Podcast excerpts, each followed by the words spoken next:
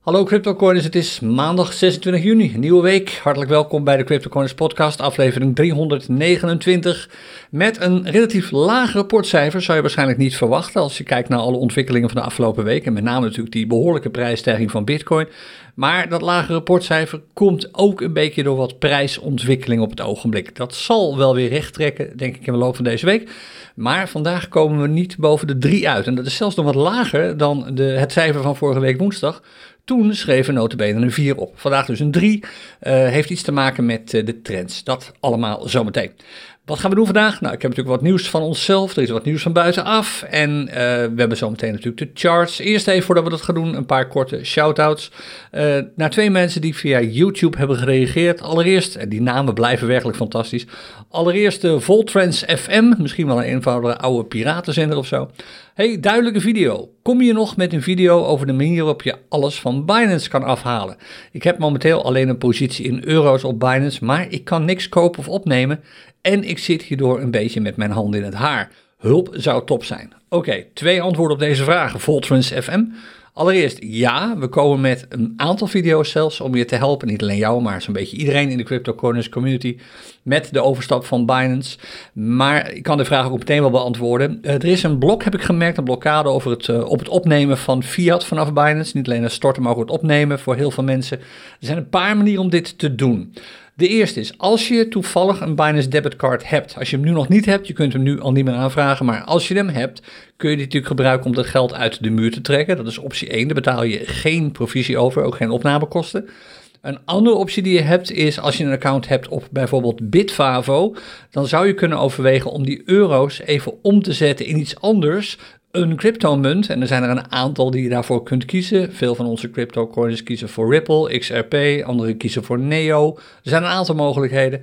En die vervolgens naar Bitfavo te sturen, ze daar weer te verkopen voor euro's en die euro's vervolgens op te nemen. Dat is eigenlijk de makkelijkste manier, of het is niet heel makkelijk, want je moet je wel legitimeren en verifiëren bij Bitfavo, maar als je al een Bitfavo-account hebt, is dat eigenlijk de makkelijkste manier. Je ontkomt daar eigenlijk niet aan. Dus dat zijn eigenlijk de makkelijkste twee manieren, of de meest gebruikte twee manieren. De eerste is gewoon via een debitcard, als je die hebt, de Binance debitcard. En de andere dus via een Bitfavo-account. Uh, dat kun je overigens, um, dat opnemen of dat vertalen van die euro's in een cryptomunt, dat kun je nog maar doen op Binance tot 12 juli. Dan stopt het echt wat traden betreft. Binance zelf blijft tot 17 juli op een aantal andere fronten nog wel actief in Nederland. Maar tot met 12 juli, of geloof tot 12 juli zelfs, kun je nog traden. Dus ik zou dat zo snel mogelijk doen. Het omzetten van die um, euro's naar een cryptomunt. Tot zover dat. Dan een vraag van alweer zo'n mooie naam, Monkey Biz, ook via YouTube. Ja, het wordt wel lastig traden als we Binance niet meer kunnen gebruiken, want Binance is nog groter dan de rest van de top 10 handelsplatformen bij elkaar opgeteld. Scheelt een hoop volatiliteit. Absoluut, het is een serieus probleem voor traders natuurlijk. Ik zeg er wel bij, het volume van Binance dat tien keer zo groot is als dat van, of één keer zo groot is als tien andere platformen bij elkaar, is natuurlijk sowieso al belabberd laag. Het trekt trouwens wel weer wat aan. En wij zijn super druk bezig met het vinden van een goed alternatief voor Binance. We overleggen met een echt een groot aantal partijen. Ik had ook niet verwacht dat dit zoveel overleg zou betekenen. Uh, het allerbelangrijkste wat ik je kan zeggen, MoneyBiz, dat geldt eigenlijk voor iedereen die hier natuurlijk op dit ogenblik naar luistert, is voor Nederland geldt dat Binance gewoon open blijft, sowieso tot 12 juli. En daarna, uh, dan is het natuurlijk einde verhaal, maar tot 12 juli is er eigenlijk gewoon niks aan de hand. Ik blijf daar zelf ook gewoon traden. En wij verwachten overigens dat we eind deze week met een update komen naar jullie toe over wat wij van plan zijn met CryptoCoiners en met de CryptoCoiners community en het traden met Binance. Er kwam een, een vrij sceptische vraag van iemand die zei van jullie zullen nu vast wel gaan stoppen. Het antwoord is absoluut niet. Waarom zouden we? Binance is een handelsplatform, het is een prima handelsplatform. Maar ik kan je vertellen, CryptoCoiners bestond al voordat Binance bestond en deed het toen ook al prima. Er zijn echt meer handelsplatformen. Maar ik zei het al, we zijn nog druk in overleg. En dat overleg dat gaat nog wel even duren. Er vinden echt best wel veel besprekingen plaats om hier gewoon iets heel moois van te maken. Dit gewoon om te keren in iets moois. En houd gewoon onze kanaal in de gaten, met name tegen het einde van deze week voor een update. Nou, wat deze week betreft, er gaat weer flink wat gebeuren. Vorige week was het al druk live. Nou, deze week wordt het volgens mij alleen nog maar drukker. Ik ga even alles datum voor datum af. Te beginnen met, eh, nou vandaag natuurlijk de podcast. Morgenavond, ik weet niet of Kevan verder nog plannen heeft om nog extra livestreams te doen. Zo ja, dan meld ik dat morgen wel even. Maar morgenavond, dus dinsdag 27 juni om 7 uur, dan hebben we onze eerste Money Professionals live Q&A. Klinkt heel uh, ingewikkeld, maar het is een uitgebreide live vraag- en antwoord sessie waarbij Kevan en ik zelf uh, erbij zitten om vragen te beantwoorden die jullie kunnen stellen. En dit is met name interessant voor onze money professionals, mensen die op een serieuzere manier met geld bezig zijn, waarbij crypto natuurlijk onderdeel vormt van hun strategie. En als je lid bent van ons Patreon-platform, www.cryptocorners.nl slash Patreon, dan weet je inmiddels al dat die Q&A komt, vraag- en antwoord sessie. Dat begint morgenavond om 7 uur. Dat is de eerste. Dan uh, woensdagavond, de 28e, overmorgen, gaan we weer live traden. Afgelopen week hebben we een, uh, een aantal mini-technische analyses gedaan. Daar zijn heel enthousiaste reacties op gekomen. Dat gaan we absoluut vaker doen. Maar aanstaande woensdag gaan we weer gewoon een keer live traden. Tenzij we gewoon merken dat de markt instort. Het zou me verbazen, maar je weet maar nooit. Als er woensdag geen interessante trades te zien zijn, kan het zijn dat we dat technische analyseverhaal van afgelopen woensdag gewoon nog een keer doen in ons CryptoCoins Café. Dus dat is uh, aanstaande woensdag om uh, half acht. Donderdagavond, ja, donderdagavond de 29e, dan gooit Kay van de deuren weer open van zijn CryptoCoins Clubhuis. Dat is volgens mij ook om half acht. En dan aanstaande zaterdag, 1 juli, dan begin ik met de nieuwe live clinic technische analyse. Dus met name als je het interessant vond afgelopen woensdag in het CryptoCoins Café, waarin ik volgens mij een stuk of 8, 9 muntparen even door een korte technische analyse heb heen gevoerd dan zou het misschien leuk kunnen zijn om erbij te zijn aanstaande zaterdag bij onze live clinic. Die begint om half elf en er zijn nog toegangskaarten beschikbaar. www.cryptocorners.nl slash ta-clinic. De link staat ook overigens eh, bij de show notes eh, van eh, deze podcast. En dat was hem volgens mij wat de live events deze week betreft. Dus het zijn er weer een hoop. En je weet natuurlijk nooit wat er allemaal nog bij komt. Want af en toe dan beslis ik even van ik om spontaan nog dingen te doen. En morgen heb ik ook nog een leuke aankondiging van Vivi voor je trouwens. Um, die, uh, die gaan we morgen even doen met een video erbij. Wie weet wat daar allemaal weer uitkomt. Oké, okay, tot zover intern. Extern, nou, laten we beginnen met datgene wat er even inknalde als een bom. Met name voor onze Belgische uh, leden. Um, de, Amerikaanse, zeg maar de Amerikaanse SEC, de Autoriteit Financiële Markten, daar heten ze de FSMA, die uh, knalde de uh, vrijdagavond of vrijdag eind van de middag, heel apart dat dat vrijdag eind van de middag gebeurt, even een aankondiging uit, namelijk dat Binance België is verordend om te stoppen. Um, en natuurlijk werd mij meteen gevraagd wat ik daarvan vond. Uh, vooral omdat ik afgelopen woensdag in het café nog zei dat Binance mij had verteld dat daar geen sprake van zou kunnen zijn, want in België gelden gewoon hele andere regels. Daar hoeven, de Belgen hoeven zich totaal geen zorgen te maken, was de uitspraak van Binance. Hier gaan we gewoon door. Ik heb ook nog geen officiële uitspraak van Binance gehad. Een inofficiële wel een beetje, namelijk categorie FUT. Dit gaat helemaal nergens over. Zelf toen ik dit bericht las, moet ik ook, het eerste wat ik dacht is van dit is gewoon weer een gevalletje FUT. Dit is gewoon met hagel schieten. Dit is een situatie waarin eigenlijk net als in de SEC gewoon een aantal argumenten worden opgeworpen, waardoor opeens een, een uh, toezichthouder uh, beslist van dit willen wij niet meer. De vraag is of dit stand houdt. De vraag is of dit stand houdt bij de rechtbank. Mijn, ik heb dit niet van Binance, zeg ik erbij. Dit is puur op basis van uh, eigen inzicht en eigen mening dus. Dus je kunt hier geen enkele conclusie uit trekken. Het zou mij niet verbazen als Binance zegt van jongens, dit, pak, dit, dit accepteren we niet. Hiervoor moeten we naar de rechtbank. Aan de andere kant, er speelt natuurlijk nog zoiets als Mika. Het kan ook zeggen dat ze zeggen, weet je wat, dan nemen we dit ook maar voor lief. Um, er is alleen nog geen concrete uitspraak. Ik had eens echt gevraagd, jongens, doe mij plezier, stuur mij voor half elf vanochtend even een, een mededeling dat ik weet ik wat tegen de cryptocurrency community kan zeggen. Dat is nog niet gebeurd. Ik kan me voorstellen dat ze ook nog in druk overleg zit op dit ogenblik. Zo gauw ik meer nieuws heb van Binance hierover, laat ik het weten. Vooralsnog lijkt het erop dat je gewoon kunt blijven traden. In ieder geval tot zover het, uh, tot er een andere beslissing wordt genomen. Het is bizar. En naar mijn mening is dit, dit kan geen toeval zijn. Ze gebruiken de typische praktijken om aan het eind van de week, vlak voordat het weekend begint, zo'n aankondiging eruit te doen. Dat is typisch iets dat je doet als je veel ellende en oproer wilt veroorzaken. En dat is nou net iets wat zo mooi past bij die uh, chokepoint-strategie die we in Amerika al zien. Verder, België is niet zo heel ver bij Nederland vandaan. Zou het toeval zijn dat uh, nu net de uh, beslissing door Binance genomen is om bij de DNB gewoon niet meer langer te blijven vragen om een licentie? Nu deze aankondiging komt, bestaan er kanalen tussen DNB, de Nederlandse toezichthouder, en de, de Belgische? Blijkt mij van wel. Is dit toeval? Naar mijn mening absoluut niet. Het is een vreemd, vreemd, vreemd verhaal. En gelukkig, eind volgend jaar is al deze ellende van mensen die gewoon een te grote broek aan hebben getrokken, gewoon echt voorbij. Dus dat even wat Binance België betreft. Nog weinig over te melden, anders dan wat ik er persoonlijk van denk. En zo gauw ik officiële nieuws heb, laat ik dat natuurlijk hier in de podcast ook even weten. Dan de ECB, blijft een interessante partij, de Europese Centrale Bank.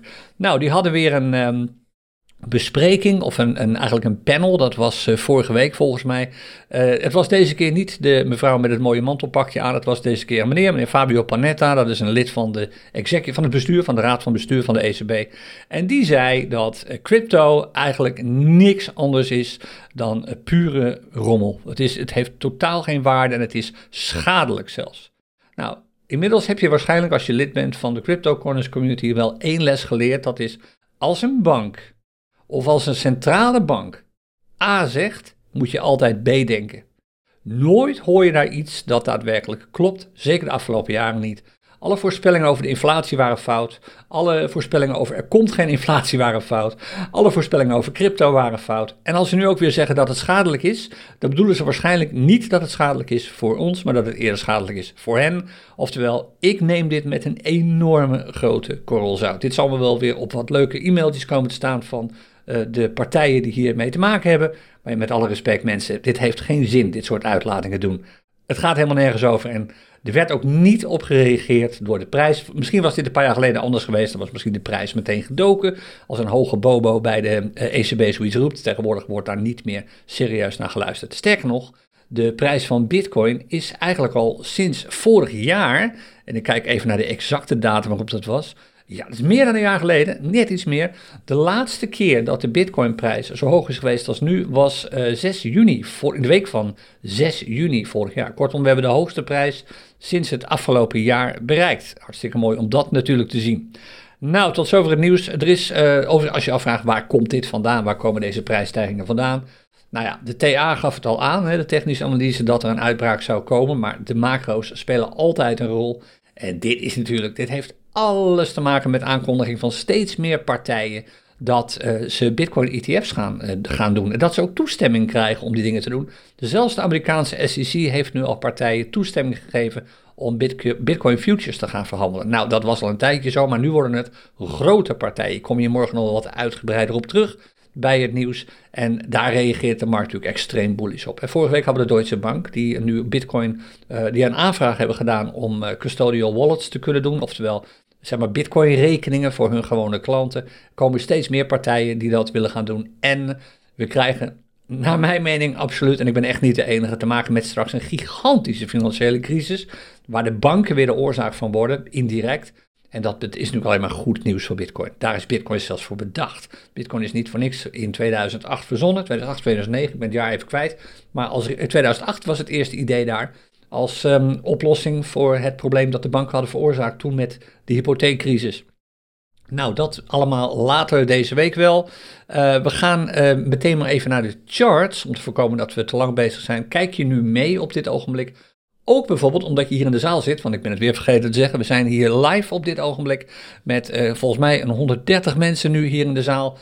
die bij de live opname zijn van deze CryptoCoins podcast. Hartelijk welkom allemaal. En ook jij ziet nu op dat grote scherm uh, de charts in beeld, waar je nu ook naar kijkt als je de video van deze podcastaflevering ziet op YouTube. Dit is de Bitcoin Weekchart. Voordat we die erbij pakken, altijd eerst eventjes uh, het handelsvolume. Op dit ogenblik is dat hoog, hoger dan we een tijd lang hebben gezien. Uh, ik kijk altijd naar het handelsvolume op Binance, nog steeds. Uh, via Hypertrader, de tool die ik meestal in het café gebruik om op Binance te handelen. En tot mijn um, grote vreugde, tussen aanleidingstekens, hebben we maar liefst 21 muntparen. Het is toch steeds drie keer helemaal niks natuurlijk, want een jaar geleden hadden we 200, maar 21 muntparen waar in ieder geval een handelsvolume in zit van meer dan 50 bitcoin over de laatste dag. En dat betekent dat het best wel trading weer is als je kijkt naar de volatiliteit. Of het zin heeft. Als je kijkt naar de prijsontwikkeling, daar moeten we het zo meteen maar even over hebben Of het zin heeft als we kijken naar de trends, ook daar hebben we het zo meteen over. We gaan eerst even naar de charts van Bitcoin zelf, want er is een hoop gebeurd de afgelopen week. Nou, de chart die je nu voor je ziet, dat is dus de weekchart, de Bitcoin weekchart. Uh, vorige week zei ik dat we waarschijnlijk een nieuwe trough te pakken hadden. Dat is de candle die je ziet hier, als je meekijkt. De week van 12 juni was dat, dat is vorige week dus de week daarvoor. En dat bleek inderdaad de nieuwe trough te zijn. Je weet dat nooit, maar het leek er toen al wel op. Nou, nu zijn we op weg naar een nieuwe piek. En dat heeft natuurlijk alles uh, te maken, is heel zichtbaar door die enorme uitbraak die is geweest.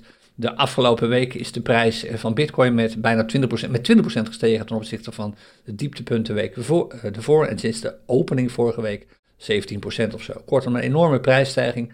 Dat levert waarschijnlijk meteen alweer een nieuwe piek op. Die zouden we afgelopen, afgelopen week dus al kunnen hebben bereikt. Dat is 31.458. Moet je voorstellen, we komen eigenlijk in, in één of twee weken tijd. Hier staat trouwens 29 mei op het scherm. Slaat u drie keer nergens op. Dat moet zijn 19 eh, juni. Dus laat ik dat meteen maar even aanpassen. 19 juni. Zo, nu staat het goed. Dat gebeurt dus in één week tijd. Hè? Een, een, prijsstijging van 24,7 naar 31,4. Logisch is dat dit komt door het enthousiasme van banken om nu crypto wallets te gaan aanbieden. En door het enthousiasme van sommige uh, overheidsorganen om het ook toe te staan. Dit is een extreem bullish signaal, daar hebben we absoluut het laatste nog niet van gezien naar mijn mening. Maar we gaan nu natuurlijk, zoals het hoort, misschien wel even op weg naar een dalletje. Als we nu een dal bereiken, dat kan nog een paar weken duren. Het kan nog een paar weken duren dat we naar beneden blijven gaan. Als we nu een dal bereiken dat hoger ligt dan dat vorige dal van 24.756 dollar, is de weekchart weer bullish. Is niet heel erg lang bearish geweest en dan is hij nu gewoon weer bullish. En ik zeg erbij gewoon, want zo langzaam maar zeker zijn alle analisten het wel met elkaar eens over het feit dat we aan de vooravond staan van een enorme bull market. Hoe enorm dat allemaal wordt, ik vind het nog lastig om daar een serieuze uitspraak over te doen, want het ontbreekt nog steeds een beetje aan handelsvolume. Maar hoe beroerder het gaat in de financiële wereld, de traditionele financiële wereld, des te beter dat over het algemeen is voor crypto en bitcoin. Je merkt dat niet meteen, maar wel op de langere termijn. En ik moet af en toe een beetje grijnzen als ik die prijsvoorspellingen zie. Iemand riep alweer ergens 300.000 dollar voor één bitcoin is absoluut realistisch. Ik denk dat het nog veel gekker kan worden. Alles heeft natuurlijk te maken met de enorme geldontwaarding van die dollar. En ik denk ook dat we aan de vooravond staan van een enorme bull market. Maar of die nu al plaatsvindt, ik denk het eerlijk gezegd niet. We moeten echt een paar structurele bewijzen zien op de charts dat de trends op de langere charts daadwerkelijk omkeren naar bullish. En dat is op dit ogenblik nog niet het geval. En als dat niet het geval is, moet je gewoon nog steeds rekenen op verdere prijsdalingen. Kijk, ik weet, dit is niet wat de meeste mensen willen horen. Die zeggen, ja, maar je ziet toch, die prijs is enorm gestegen. Het gaat toch weer goed? Ja en nee, de prijs is enorm gestegen. Fantastisch om dat mee te maken. Maar dat wil niet zeggen dat we ook gewoon weer dalingen kunnen gaan zien. Kijk, als je grosso modo naar deze chart kijkt, ook al is technisch gezien de trend op de weekchart nu bearish, je ziet wel degelijk steeds hogere pieken en hogere dalen. Maar dat wil niet zeggen dat er toch niet weer een enorme drop even kan komen in de richting van, laten we zeggen, 24, 20.000 dollar. Dat is helemaal niet zoveel lager als dat we begin deze maand hebben gezien. 12 juni, de week van 12 juni, hadden we 25.000 dollar, 24,7. Een paar weken geleden, nou ja, oké, iets langer dan een paar weken geleden, hier in maart, drie maanden terug, hadden we een loop van onder de 20.000 dollar. Dat is nog helemaal niet zo lang weg. En dat hoeft niet lang te duren, maar het zou naar mijn mening echt struisvogel, struisvogelpolitiek zijn als we nu doen alsof alles weer perfect is. We zitten nog steeds in een enorm bearish sentiment. En hoewel zelfs deze chart technisch gezien nog steeds bearish is, maar je hem als bullish zou kunnen beschouwen, er is dat bearish sentiment. je wilt een paar overtuigende bewijzen zien dat we nu weer op weg zijn naar een bullrun. Het eerste bewijs op de, is deze weekchart zou, dat hebben we pas over een paar weken duidelijk, een dal zijn dat hoger is dan het vorige dal. Dus daar wacht ik echt op. Tot die tijd is een aantal dingen wel mooi omgekeerd. Om te beginnen de Unbalanced Volume Indicator. Die is nu echt al een paar weken lang bullish. Was hij trouwens vorige week ook al. Kijk, de OBV zelf, die gele lijn, staat boven zijn eigen voortschrijdend gemiddelde. Dat is een bullish signaal. Dan de Parabolic Stop and Reverse Indicator, die plusjes. En volgens mij hebben we dit vorige week al gezegd. Die was even bearish. Dat gebeurde in één klap door die daling die we hebben gezien in de week van de 12e, die die trough heeft opgeleverd, dat dal. Maar schoot daar meteen weer doorheen en inderdaad is dus nu bullish geworden. Ja, ik heb dat besproken toen we het over die, um, over die breakout hadden, over die mogelijke falling, of die falling wedge die daar ontstond. Dus inderdaad, die is alweer bullish. Kijk, de plusjes staan er nu alweer onder. Mooi nieuws. Unbalanced volume is, is bullish. Parabolic and reverse is bullish. En ook de Keltner Channels geven nu aan dat er sprake is van een stijgend bullish momentum. De trend is dat dus officieel nog niet. Daar hebben we echt nog wel even een dal voor nodig, die trough. Maar dit is veelbelovend. En waar je natuurlijk, zo kijken of ik nog belangrijke dingen hierover even wil zeggen. Oh ja, natuurlijk die MA200. We hebben al twee weken op rij een situatie gehad dat de prijs onder die MA200 sluit. En misschien weet je wel, ik kijk eigenlijk altijd naar drie candles. Als je afvraagt waar komt dat nou vandaan? Ja, dit is gewoon puur wat ik doe. Ik heb al, jarenlang, als ik trends volg en prijsontwikkelingen volg, en ik kijk naar MA-lijnen, dus voortschrijdende gemiddelde lijnen, zoals die rode MA200 als je meekijkt. Ik wil altijd drie candles zien, minimaal drie of meer, ook goed, maar drie op elkaar volgende candles die boven of onder zo'n lijn staan om zo'n lijn daadwerkelijk een signaal te zien afgeven. Nou, wat je nu ziet gebeuren is dat we een aantal keer op rij een prijs hebben gezien die sloot, het gaat om de sluitprijzen, onder die MA200. Maar het was maar twee keer. Dus opnieuw, dit was geen geldig, serieus bearish signaal. En vorige week zei ik zoiets van, ja, de prijs moet daar deze week wel boven sluiten, want anders wordt het serieus bearish. En dat is gebeurd. Dit was nog voor de uitbraak. Dat is inmiddels gebeurd. Dus we hebben nu de eerste candle, want de candle van deze week kan je nog niet meerekenen, die is nog niet klaar. De eerste candle weer boven de MA200. Dus hetzelfde spelletje gaat weer spelen. We hebben nog twee weken nodig, vanaf nu gezien. Dus vandaag over twee weken hebben we er twee candles bij. En dan zijn we alweer aan de volgende bezig, aan de, candle nummer drie zeg maar. Maar dan hebben we drie candles in totaal hier staan, die dan alle drie boven die MA200 zouden moeten zijn. Boven de gemiddelde prijs over de afgelopen 200 weken. Als er alle drie boven staan, dan ben ik ervan overtuigd dat deze trend, als hij al niet is omgekeerd naar bullish, gewoon weer bullish wordt. Maar die paar weken, die paar weken rust, die neem ik gewoon nog even. Dus op dit ogenblik nog berries, maar het ziet er eigenlijk allemaal best wel heel goed uit. Dus de eerste van de drie candles hebben we al te pakken. Je zult zien dat we diezelfde uh, MA, niet dezelfde MA-lijn, maar wel dat soortgelijke principe met die MA-lijnen ook zien terugkomen op de Bitcoin dagchart. Die hebben we hier beet. Dit is de Bitcoin dagchart. Nou, die is, het is een beetje gek om dat te horen zeggen, maar er zit een enorme prijsstijging hier.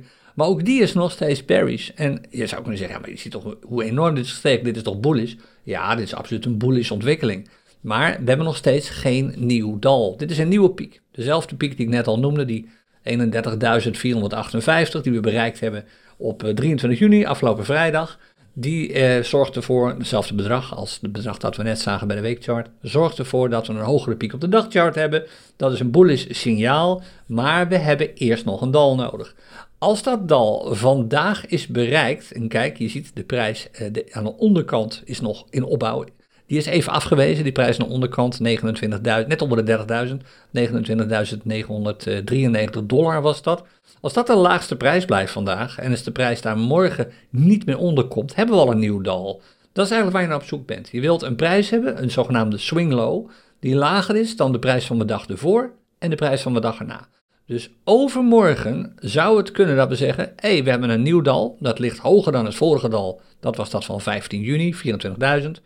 En dat betekent dat de dagchart omkeert naar bullish. En dat is de eerste chart die je zult zien omkeren naar bullish. Misschien de urenchart nog net daarvoor, maar voordat die weekchart kan omkeren naar bullish, wil je eerst de dagchart hebben. Er is één vervelend signaaltje op deze chart dat bearish is. En dat is opnieuw die unbalanced volume indicator. De prijs is niet alleen gedoken, al een paar dagen op rij. De eerste lagere prijs was afgelopen zaterdag al. Gisteren was die lager. Vandaag ook nog. Je ziet het ook in de candles trouwens, al drie rood. Maar de OBV is nu ook onder zijn eigen voortschrijdende gemiddelde gedoken. Dat is een licht bearish signaal. Het is een indicator met een best hoge voorspellende waarde, zoals je weet. Vaak wat het ding zegt, komt uit. Nou, die wijst nu op een bearish trend. Dus laten we hopen dat het ding geen gelijk krijgt. Er moet ook wel flink wat gebeuren natuurlijk om de trend echt structureel bearish te maken met veel lowere lows, lagere lows. Maar laten we hopen dat dit snel weer omkeert. Kijk, goede het goede nieuws is dat de prijs nu al dagenlang, sinds begin vorige week, boven de bovenste band van de Keltner Channel staat. Dat wijst op een toenemend bullish momentum, nog steeds. De prijs staat nu al een groot aantal dagen op rij. Dinsdag was ik nog aan het tellen, misschien weet je dat nog. Ik heb donderdag geen podcast gemaakt, maar woensdag zei ik van nou, we hebben nu in ieder geval één dag te pakken, dinsdag. We willen drie dagen boven de MA50 komen om dit een bullish signaal te laten zijn. En dat is gebeurd. Dat was afgelopen vrijdag meetbaar. Toen hadden we namelijk dinsdag, woensdag en donderdag geklokt. Allemaal boven de MA50. Dat is bullish. Ook de Parabolic Stop Reverse is nog steeds behoorlijk bullish en die is erg geldig, want we hebben een daadwerkelijk parabolische prijsstijging gezien. Een klassieke FOMO hier. Kijk, stijgend volume, toenemend handelsvolume bij een stijgende prijs. Dat is een signaal dat er FOMO begint op te treden en dat er short squeezes aan de hand zijn. Oftewel mensen die short posities hadden genomen, geld hebben geleend, bitcoin hebben geleend en die hebben verkocht omdat ze dachten van nou, ik pak wel de winst uit het, de dalende bitcoinprijs. Die zijn behoorlijk nat gegaan, er is voor honderden miljoenen geliquideerd en dat is ook een uh, oorzaak van deze snelle parabolische prijsstijging. Maar er zijn meer interessante signalen te zien op deze chart die aangeven dat het hier waarschijnlijk niet bij blijft. Ik heb ze allemaal opgenoemd. De Kelvin Channels, super is fantastisch om te zien. Nu nog even een trough die hoger ligt dan de vorige. En dan weten we dat de dagchart is omgekeerd. Dan kan het niet lang duren of ook de weekchart volgt. Kijk, de informatie uit de markt is zo bullish op dit ogenblik, de macro-informatie, dat het eigenlijk niet anders kan dat deze charts op relatief snel, uh, op relatief snel gaan omkeren. Dan de urenchart nog even. Die ziet er wat minder prettig uit. Maar omdat, misschien herinner je het nog uit de technische analyses van afgelopen woensdag in het café. Als die lijnen van de MA20, dat is die gele, en die MA50, dat is die uh, oranje indicator. Als die zo dicht bij elkaar staan als nu, dan hebben die doorbraken eigenlijk geen serieuze signaalfunctie. Oftewel, hier was, hier was het gezond. Kijk, de prijs ging behoorlijk omhoog. Dit was afgelopen vrijdagavond behoorlijk omhoog. Groot gat tussen de MA20 en de MA50. Sindsdien zou je eerder kunnen zeggen van nou, dit is een pasje op de plaats. Meer is het niet. Dus hoewel de trend op deze chart, als je puur naar de pieken en de dalen kijkt, technisch gezien bearish is, lagere pieken, lagere dalen, kan ik me goed voorstellen dat ik zeg van nou, die lijnen lopen zo dicht bij elkaar. Dit gaat eigenlijk nergens over. Dit is gewoon een, een klassieke eigenlijk contractie die op dit ogenblik plaatsvindt. Het begint zelfs een beetje te lijken op een driehoek, is het nog niet helemaal. Maar dat zou ook weer wijzen op een mogelijke uitbraak en die is dan bullish. Dus daar het afwachten even op. Ik denk zelf, nogmaals, dit is niet iets waar je ook maar enige conclusie aan wilt trekken. Uh, wilt onttrekken, oftewel je wilt niet op basis van wat ik je nu ga zeggen gaan handelen. Je wilt altijd je eigen onderzoek doen en zeker zorgen dat je die charts zelf ook altijd leest op dezelfde manier. Ik zou niet raar van opkijken als we nog meer prijsstijgingen gaan zien deze week. Ik weet niet wat de SEC nog gaat aankondigen. Geen idee, maar het ziet er eigenlijk allemaal best wel heel bullish uit. Het signaal van die grote partijen die nu allemaal uh, eh, ETF's uh, eh, gaan bieden of waarvan de, het aanbod wordt goedgekeurd door overheidsinstellingen is zo bullish. Dat is uh, dat, fantastische voorbode van wat er op de wat middellange termijn zou kunnen aankomen. Hoe zit het dan met goud op dit ogenblik? Goud laat nog niet zien, een beetje, nee, laat eigenlijk nog niet zien wat je zou kunnen gaan verwachten. En dat is een enorme stijging. En hoe komt dat? De onzekerheid in de financiële markten. Die, je merkt het nog niet echt. En ik kan me voorstellen, ik denk van ja, waar haal je die, dat dan allemaal vandaan? Steeds weer die meningen.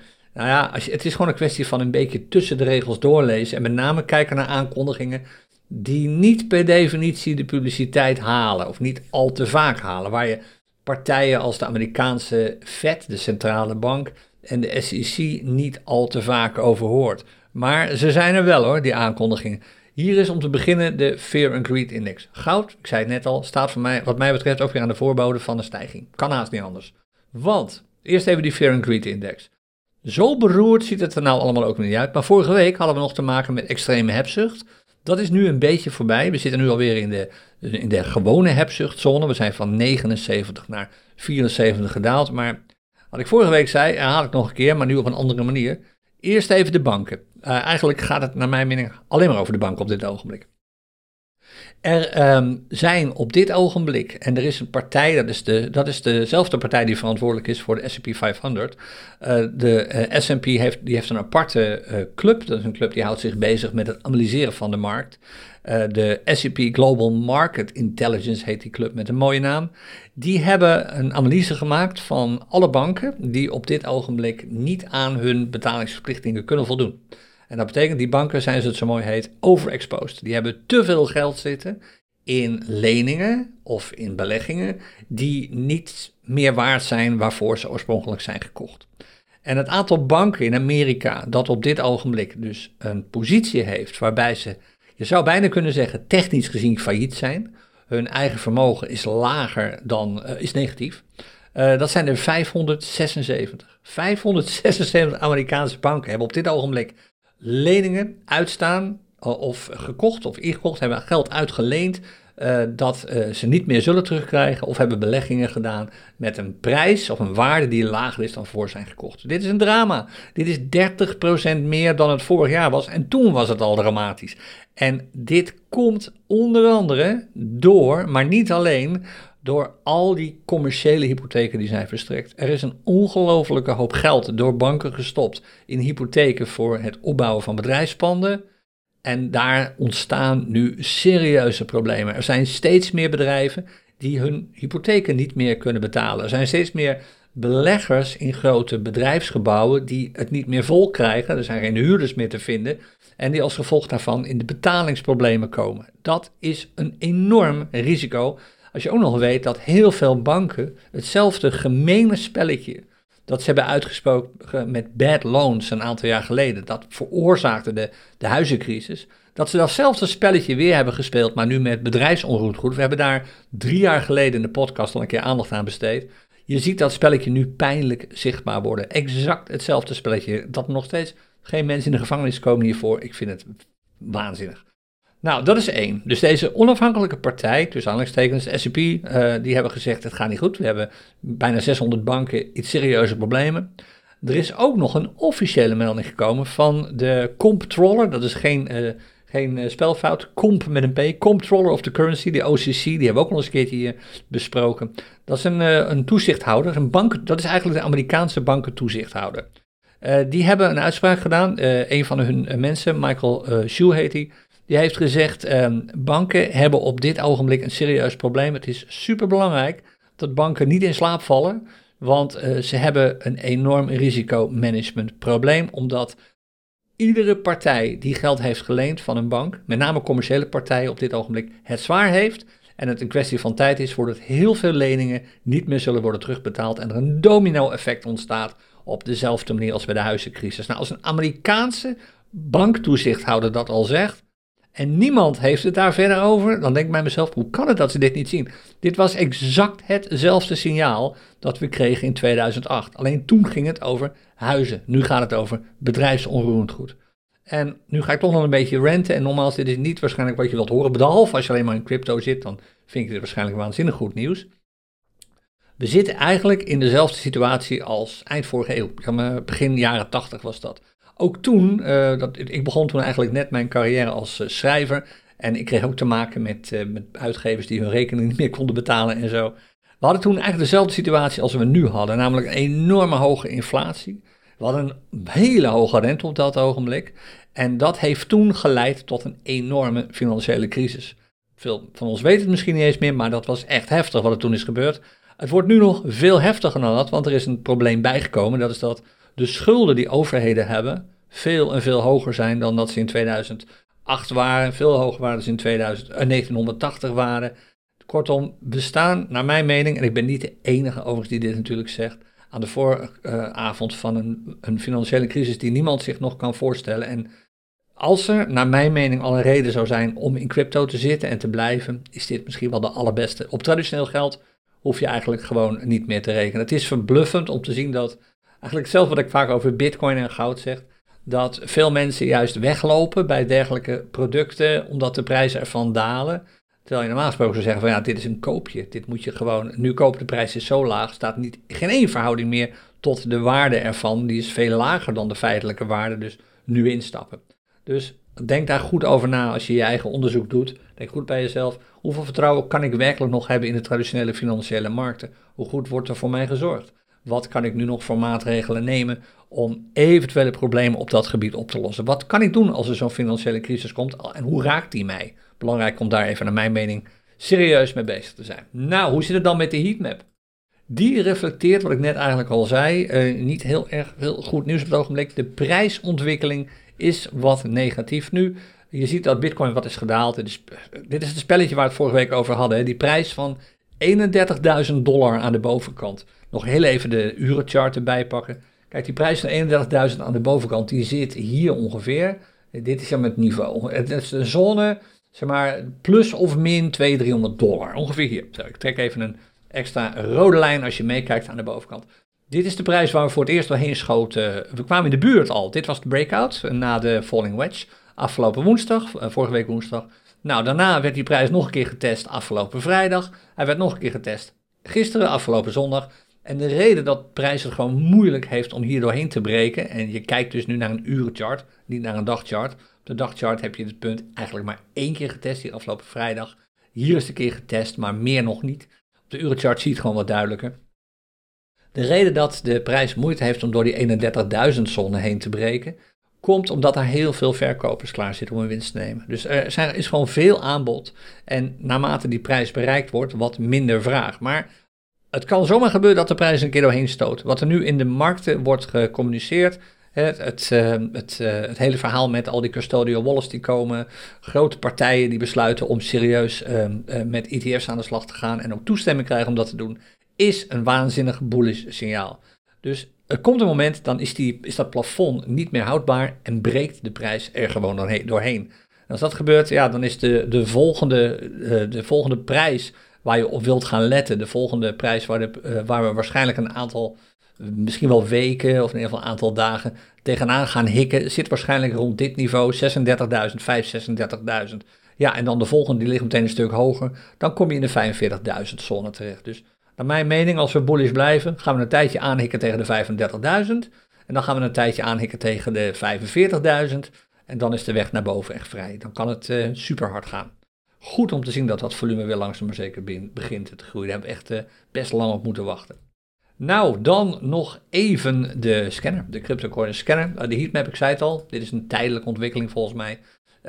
wat dalingen, wat prijs, wat, wat winstnemingen en zo.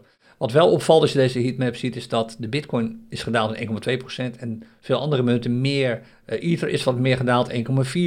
Eh, in dollar 1,4%, BNB 1,23%, Ripple 2,25%. De meeste doen het dus iets minder goed, ook Cardano.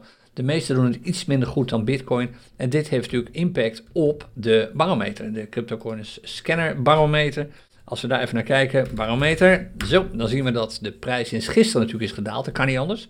1,3% lager. Dit zijn de Bitcoin-markten. Dus de gemiddelde Bitcoin-prijs van altcoins is met uh, ongeveer 1,3% gedaald sinds gisteren.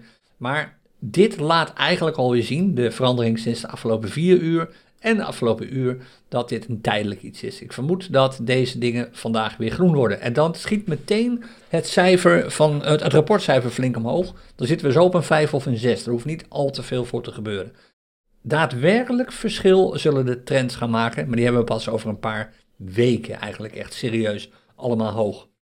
En dan gaat het met name om de, de Bitcoin-trend op de maand- en de weekchart. En ook de dagchart. Dat duurt nog eventjes. Maar dit is een tijdelijk fenomeen naar mijn mening, want het is lekker te tweede op het ogenblik. Er is ook genoeg volatiliteit. Als je bedenkt dat het nu maandag is, vorige week maandag hadden we hier 0% staan. En vorige week maandag waren er ook nauwelijks charts waar je wat op kunt doen. Dat is nu wel veranderd. Er is best goed te handelen zelfs als je de klassieke cryptocoin strategie gebruikt, is er goed te handelen. Houd even in de gaten. Hè. Kijk, dit, die verandering uh, naar één uur moet niet te snel negatief worden. Dan wordt het vervelend. Dus handel met kleine bedragen. Maar zelfs de gewone klassieke cryptocoin strategie werkt op dit ogenblik. En de 2.0 strategie, die voor een groot gedeelte trendafhankelijk is. Nou, laten we even kijken naar de trend met de, van de dollarmarkten. Voor de zekerheid, vorige week woensdag, dat was de laatste keer dat ik een podcast heb gemaakt, waren we nog berries. Eén, niet zoveel meer, het was bijna bullish. 1,7% berries was er toen nog. En op dit ogenblik, we zijn nu bijna een week verder, oh nou, bijna een week, staat hij op 47,2% bullish. Dit is, de, dit is het typisch gevolg van het enthousiasme dat eigenlijk al een beetje aan de gang was. En dat nog eens een extra uplift heeft gekregen natuurlijk door die aankondiging van, van vorige week. Al die, uh, de Deutsche Bank, daar begon het eigenlijk mee. En omdat de zaak al min of meer neutraal was, kan het dan hard gaan. Het wil niet zeggen dat alle lange charts ook al heel erg bullish zijn. Dat zijn ze vaak nog niet. De maandchart uh, is nog niet altijd bullish. De weekchart is nog niet altijd bullish. Maar de wat kortere charts, de dagchart, 12, 4 uur, noem op en zo, die zijn in zoveel gevallen alle bullish. Dat dit absoluut de goede kant op gaat. Ik denk dat we nog wel boven de 60 gaan uitkomen binnenkort. We hebben maar twee muntparen overigens die voor 100% bullish zijn en de rest niet. Houd dat wel even in je achterhoofd. Maar er is geen één chart meer te vinden op dit ogenblik die voor 100% berries is. En dat hebben we wel anders gezien. Dus op de charts en de grote hoeveelheid data die we verzamelen bij de CryptoCoin Scanner, bij die data is al te zien dat het begint om te keren. Het ziet er allemaal misschien op het eerste gezicht nog niet zo heel florissant uit. We hebben nog veel bearish trends, maar het is bij lange na niet zo bearish als het was. En we zijn zelfs globaal gezien, als je al die markten bij elkaar optelt en weegt, zijn we alweer bullish. Is dat dan ook zo? En dit levert natuurlijk een rapportcijfer op dat er gewoon uh, veel gunstiger uitziet dan vorige week, als het om deze punten gaat. Hoe ziet het er dan uit met de trend voor de Bitcoin-markten? Die was vorige week nog behoorlijk bearish, 48,4%. Die is niet omgekeerd naar bullish. Dat zou me echt verbazen. Ik zeg erbij dat niet. Nee, precies. Dat kan ook haast niet in een week tijd. Hij is van zwaar bearish, 48,4%. Minder bearish geworden, 25%. En dit zie je tot uitdrukking komen. Ik zal eerst even die waarde opschrijven, dat ik hem morgen nog weet. Je ziet dit tot uitdrukking komen als je kijkt naar de meldingen die aanstonden. Daar zitten, en ik ga even zoeken of ik er een paar vind. Hier heb je er een, daar zit er een, daar zit er een. Best al veel bullish meldingen bij. Het is nog niet spectaculair bullish. Hier kwam bijvoorbeeld maar 1,8%. Hier eh, Enon uh, 5,6% bullish. Er zijn hier weer eentje SSV 9,7, FED 21,4. Er zijn ook nog best wel veel bearish markten te vinden, maar er zijn meer bullish markten nu al dan we de laatste tijden hebben gezien. En dat is opnieuw een logisch gevolg van het enthousiasme dat langzaam, maar heel, heel, heel zeker begint terug te keren in de cryptomarkten. Er zijn toch best wel, veel uh, mensen en bedrijven die denken van, ja, kan ik het geld wel gaan verdienen met aandelen? Blijkbaar niet, want uh, obligatierente stijgt ook alweer. Zijn er makkelijke manieren om dat te doen? Waar zit het geld nog? Ja, dan komen toch meer mensen bij crypto uit dan we een paar maanden geleden nog konden zeggen. Dus dat is eigenlijk best wel goed nieuws. Het ziet er allemaal niet prettig uit nog, maar veel minder onprettig dan dat we de afgelopen maanden hebben meegemaakt. Laten we hopen met z'n allen dat dit blijft doorzetten. Wij blijven het natuurlijk uitgebreid volgen bij de Crypto Coins podcast. En wat, wat dat betreft, ik ben er morgen weer. Iedereen die erbij was live, leuk dat je erbij was. Super, ik ga nog even doorpraten met jullie allemaal hier in de virtuele studio. En wat de Crypto Coins podcast betreft, ik ben er morgenochtend weer met een nieuwe aflevering. Tot dan, happy trading. Dag.